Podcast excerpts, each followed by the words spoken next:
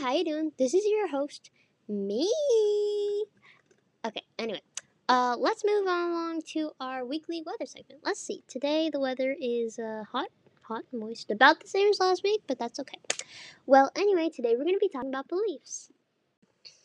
I'm from Missoula, and I also go to on vacation to Holman.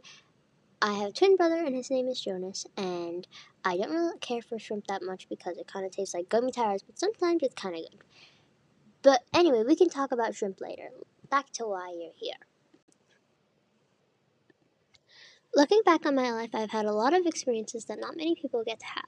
I'm lucky and privileged. I get to have an education and clean water, stuff that sometimes I take for granted.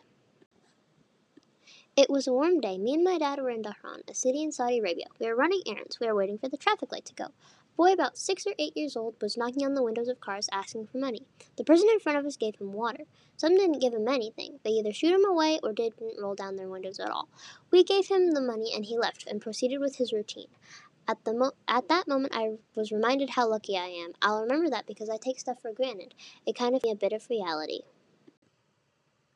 Thank you for listening. I hope that you enjoyed today's topic.